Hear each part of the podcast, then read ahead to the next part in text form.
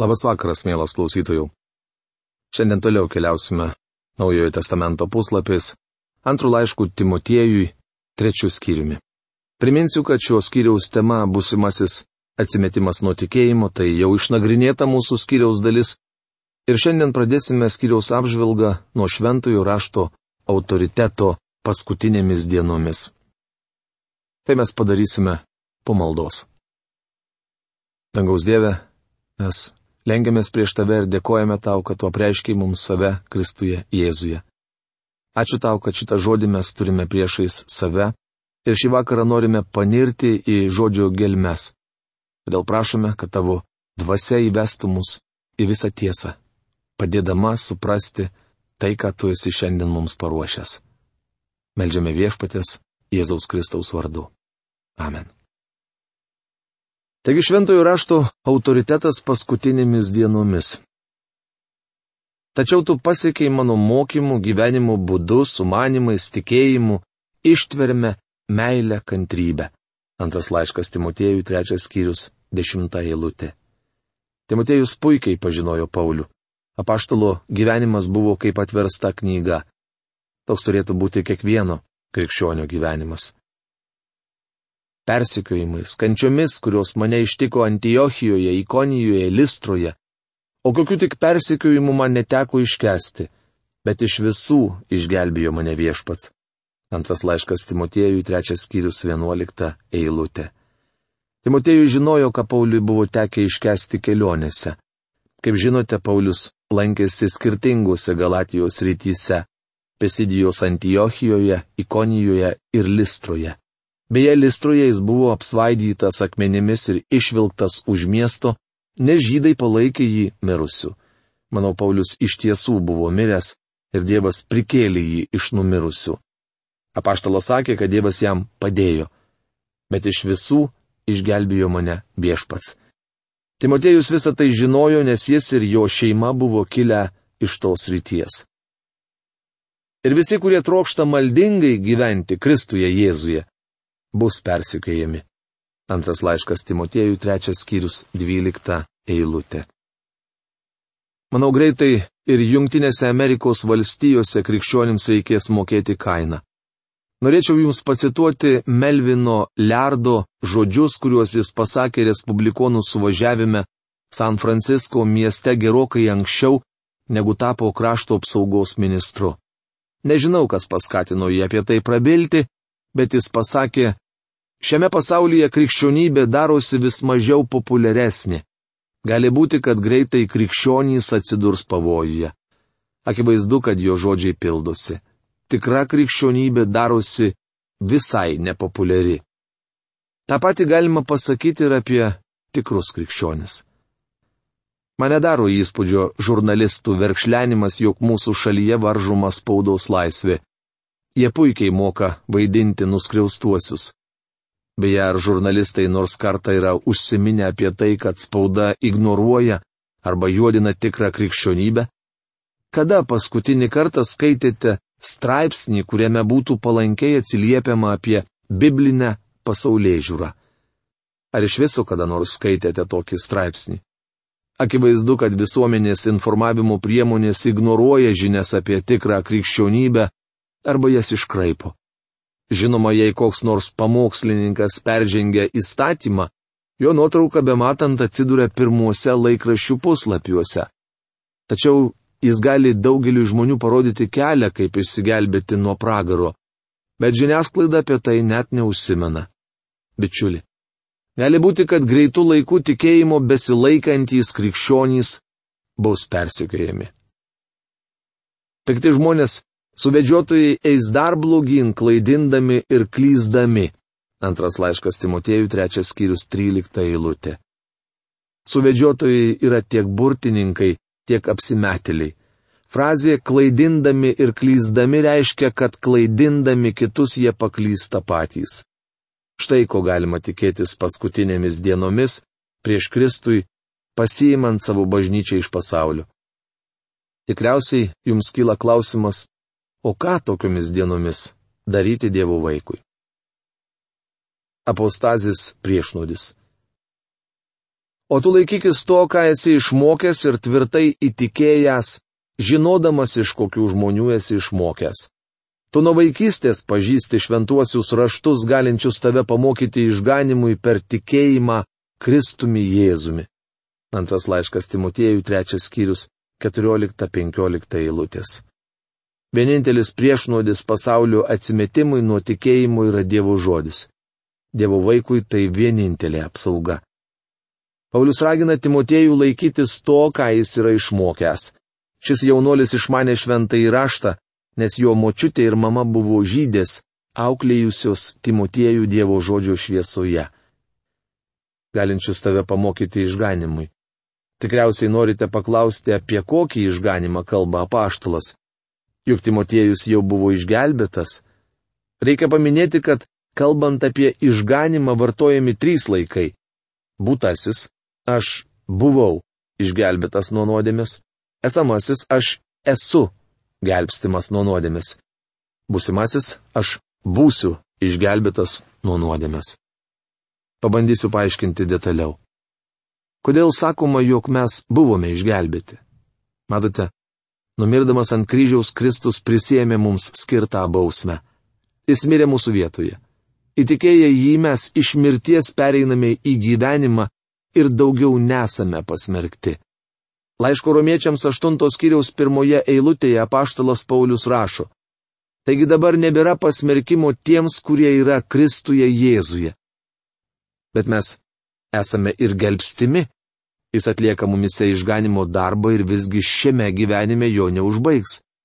Tačiau mes žvelgiame į ateitį su viltimi, nes, kaip prašoma pirmo Jono laiško trečios kiriaus antroje eilutėje, dar nepasirodė, kas būsime, Mes žinome, kad kai jis pasirodys, būsime panašus į jį.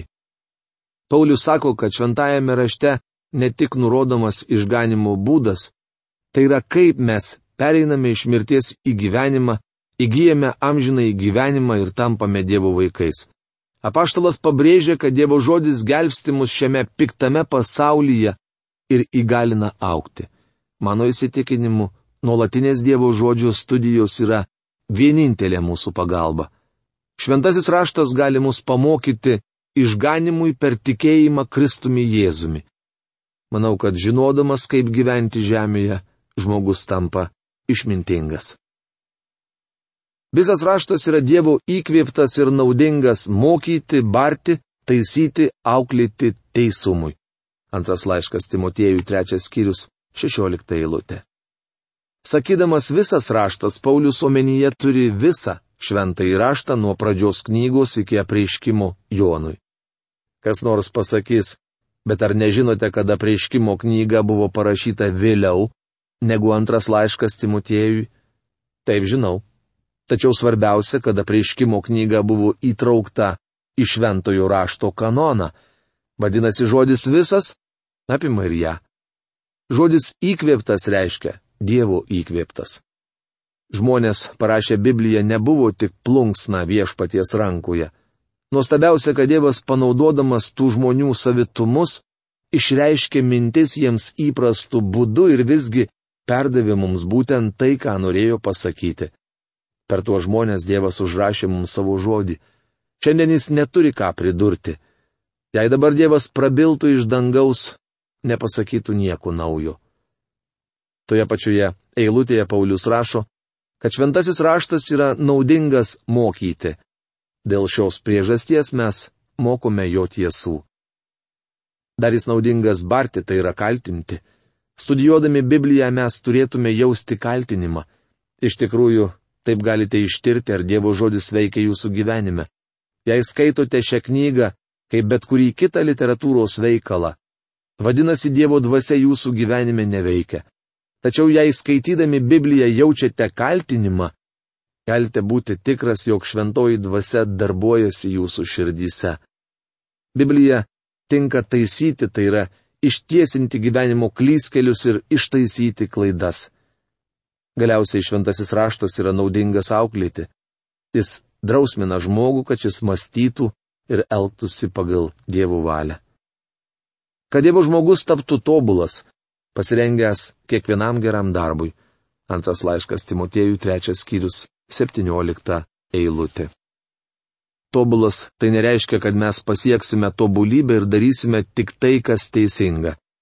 Manau, kad čia kalbama apie visišką subrendimą. Tenka pripažinti, kad šiandien pasaulyje yra daug nesubrendusių krikščionių, kurie pagal savo amžių Kristuje turėtų būti suaugę žmonės.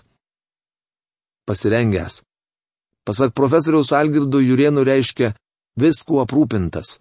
Dievo žodis gali paruošti jūs gyvenimui ir kiekvienam geram darbui. Bičiuli, aš skeptiškai žiūriu į programas ir sistemas, kurios neva per trumpą laiką, kelias lengvas pamokas ar kursus, gali padaryti jūs brandžių krikščionių. Visas raštas yra Dievo įkvėptas, dėl to, jei norite, kad jis patenkintų jūsų poreikius, turite naudoti jį visą. Baigdamas trečios kiriaus nagrinėjimą norėčiau priminti jums, kad Paulius rašė asmeniškai Timotiejui. Timotiejus buvo išmokytas Dievo žodžio, dėl to turėjo jį skelbti. Paulius pabrėžia, kad atsimetimo dienomis reikia įsikipti į Dievo žodį ir jis visiškai patenkins širdies poreikius. Taip Dievo žodis veikia daugelio mūsų radio laidos klausytojų gyvenime. Jau minėjau, kad visas raštas yra Dievo įkvėptas. Jame pasakyta viskas, ką Dievas nori pasakyti. Štai kodėl Biblija patenkina žmogaus širdies reikmes. Norėčiau pacituoti Jums ištrauką iš laiško, kuris puikiai iliustruoja šią tiesą. Jį parašė moteris iš Nešvilio, Tenesio valstijos. Pasistengsiu labai neįsiplėsti, nors mintise esu parašiusi Jums ilgiausią laišką apie tai, ką Jūsų mokymo programos reiškia man ir mano vyrui. Mes abu sėdėjome toje pačioje valtyje, neturėjome šturmano ir įvairiausi vėjai blaškė mus po gyvenimo jūrą. Tikiuosi, kada nors galėsiu papasakoti jums, kaip į mūsų šeimininį gyvenimą kupina problemų ir neįsprendžiamų klausimų atėjo džiaugsmas. Kaip sulaukę brandaus amžiaus mes patyrėme meilę, viltį ir gyvenimo skonį, kurio nebuvome ragavę jaunystėje kaip mūsų dangiškasis tėvas panaudojo sielvartą jūs ir jūsų radio tarnavimą, kad mes galėtume visą tai patirti. Norėčiau įvardyti tris dalykus, kurių nei aš, nei mano vyras, nors abu užaugome tikinčiose šeimose ir patys visą gyvenimą lankėme bažnyčią, nežinojome iki to laiko, kol nepradėjome klausytis jūsų radio laidų. Niekaip nesuprantame, kodėl patys to nematėme. Juk turėjome mokytojus, kurie bandė mums tai pasakyti, bet to skaitėme Bibliją. Mano viešpats mus tam ruošė.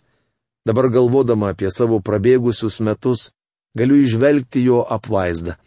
Šiaip ar taip mes nieko nežinojome apie savo nuodėmingą prigimtį ir apie šventąją dvasę. Na, gal tik tiek, kad ji minima vadinamajame apaštalų tikėjimo išpažinime. Mes žinojome, kad šventoji dvasia buvo nužengusi ant Marijos ir to tikėjome. Tačiau nežinojome, kad ji gyvena tikinčiuosiuose, bet to nieko nenutuokėme ir apie naują gyvenimą po prisikėlimu. Kovojome beviltišką kovą, stengdamiesi būti geri ir buvome benuleidžia rankas, kai pradėjome klausytis laidos kelionė Biblijos puslapiais. Tuomet suvokėme, jog iš tiesų turime pasiduoti, kad Dievas savo malonę, pasireiškiančią per Jėzų Kristų ir šventosios dvasios dovaną, pradėtų mus vesti teisinga kryptimi. Čia laiško ištrauką jums pacitavau kaip patvirtinimą, jog norėdamas įrodyti, kad pyragas skanus turite jį suvalgyti. Dievas sako, kad jo žodis naudingas ir minėtoji pora iš Nešvilio tuo įsitikino. Biblija gyvenimui daro tokią įtaką, kokios negali padaryti jokia kita knyga, nes tai paties Dievo žodis. Antras laiškas Timotiejui ketvirtas skyrius tema - Nurodymai paskutinėms dienoms. Paskutinėme antro laiško Timotiejui skyriuje pasigirsta liūdėsio gaidelė. Tai Pauliaus nurodymai Timotiejui, kaip jis turi elgtis paskutinėmis dienomis. Šiame skyriuje užrašytas ir priešmirtinis Pauliaus liudijimas. Gali būti, kad tai paskutiniai paštalo užrašyti žodžiai. Skaitydami šį skyrių pamatysime, kad Paulių kamavo vienatvės jausmas. Jis vienišas kalėjo Romoje siaubingame Mamertino kalėjime. Apaštalas šalo, todėl prašė Timotiejų atgabenti apseustą. Man teko lankytis tame kalėjime. Nenorėčiau ten kalėti. Paulius buvo vienišas, o laikas linko lietai, dėl to šiame laiško skyriuje jis prašo Timotiejų atgabenti jo knygas, ypač pergamentus. Nors Pauliui buvo liūdna ir jis jautėsi vienišas, jo paskutiniuose pamokymuose Timotėjui girdėti triumfo gaida. Jis kalba tai, kad Dievas nori, kad mes išgirstume. Tai baigiamasis Dievo žodis skirtas jums ir man. Jei nesate pasirengęs jo priimti, nemanau, kad jis turi dar ką jums pasakyti. Pauliaus įpareigojimas Timotiejui. Aš karštai prašau dėl Dievo ir Kristaus Jėzaus, kuris teis gyvuosius ir mirusiuosius dėl jo apsireiškimo ir karalystės. Antras laiškas Timotiejui ketvirtas skyrius pirmą eilutę. Profesorius Algirdas Jurienas šią Biblijos eilutę verčia taip. Aš įsakmei įpareigoju tave akise Dievo ir Kristaus Jėzaus, kuris teis gyvus ir mirusius ir saigdindamas jo pasirodymų bei jo karalystę. Tai labai rimtas įpareigojimas Dievo ir viešpatės Jėzaus Kristaus akivaizdoje. Apaštalas Paulius įspėja, kad Kristus Jėzus teis gyvuosius ir mirusiuosius. Dėl jo apsireiškimo ir karalystės. Kristaus apsireiškimas, arba kaip verčia profesorius Algirdas Jurienas, Kristaus pasirodymas ir jo karalystė nėra vienas ir tas pats. Kristaus pasirodymas susijęs su jo ateimu pasiimti bažnyčios iš pasaulio. Tuo tarpu jo karalystė apibūdina laikotarpį, kai Kristus sugrįš į žemę įsteigti savosios karalystės. Manau, kad svarbu paminėti, jog abu kartus Kristus teis. Savosius jis teis pasiimdamas iš pasaulio. Bet to bus teisiami ir tie, kurie atsigręš į Dievą didžiojo suspaudimo laikotarpiu. Mielas bičiuli, Anksčiau ar vėliau visi tikintieji stos prieš jo teismą. Viešpats ištirs mūsų gyvenimą, kad paaiškėtų, ar mes verti apdovanojimo ar ne. Paulius sako, daryk tai, žinodamas, jog vieną dieną jis teis tavo gyvenimą. Nurodymai, kuriuos apaštalas davė Timotiejui, yra aktualūs ir mums. Štai ką šiandien Dievas sako man ir jums. Skelbk žodį Veik laiku ir nelaiku. Bark. Drausk. Ragink su didžiu kantrumu ir kaip išmanydamas. Antras laiškas Timotėjui, ketvirtas skyrius, antra eilutė. Frazė skelbk žodį yra tarsi kvietimas sutelkti jėgas, šūkis, į kurį atsiliepia žmonės. Antrojo pasaulinio karo metu Amerikoje skambėjo devizas Prisiminkite Pearl Harborą. Priminsiu, kad Pearl Harboras buvo didžiausia amerikiečių karinė bazė įkurta Ramiajame vandenyne. Antrojo pasaulinio karo metais japonai ją sunaikino. Ispanų amerikiečių kare skambėjo šūkis Prisiminkite Mainą, o mūsų devizas yra Skelbk žodį.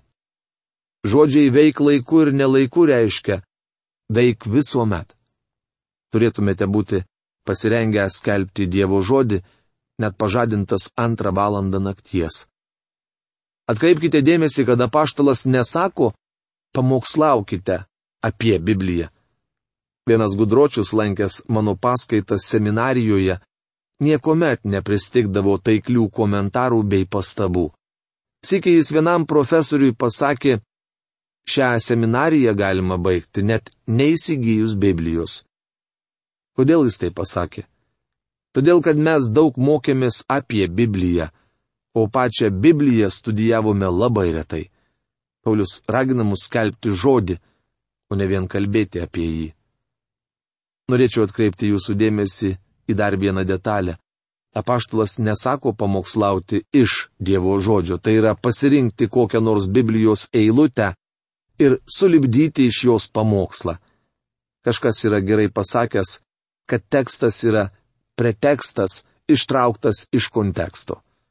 Mums reikia pamokslauti ne apie Dievo žodį ar iš Dievo žodžio, bet skelbti patį žodį.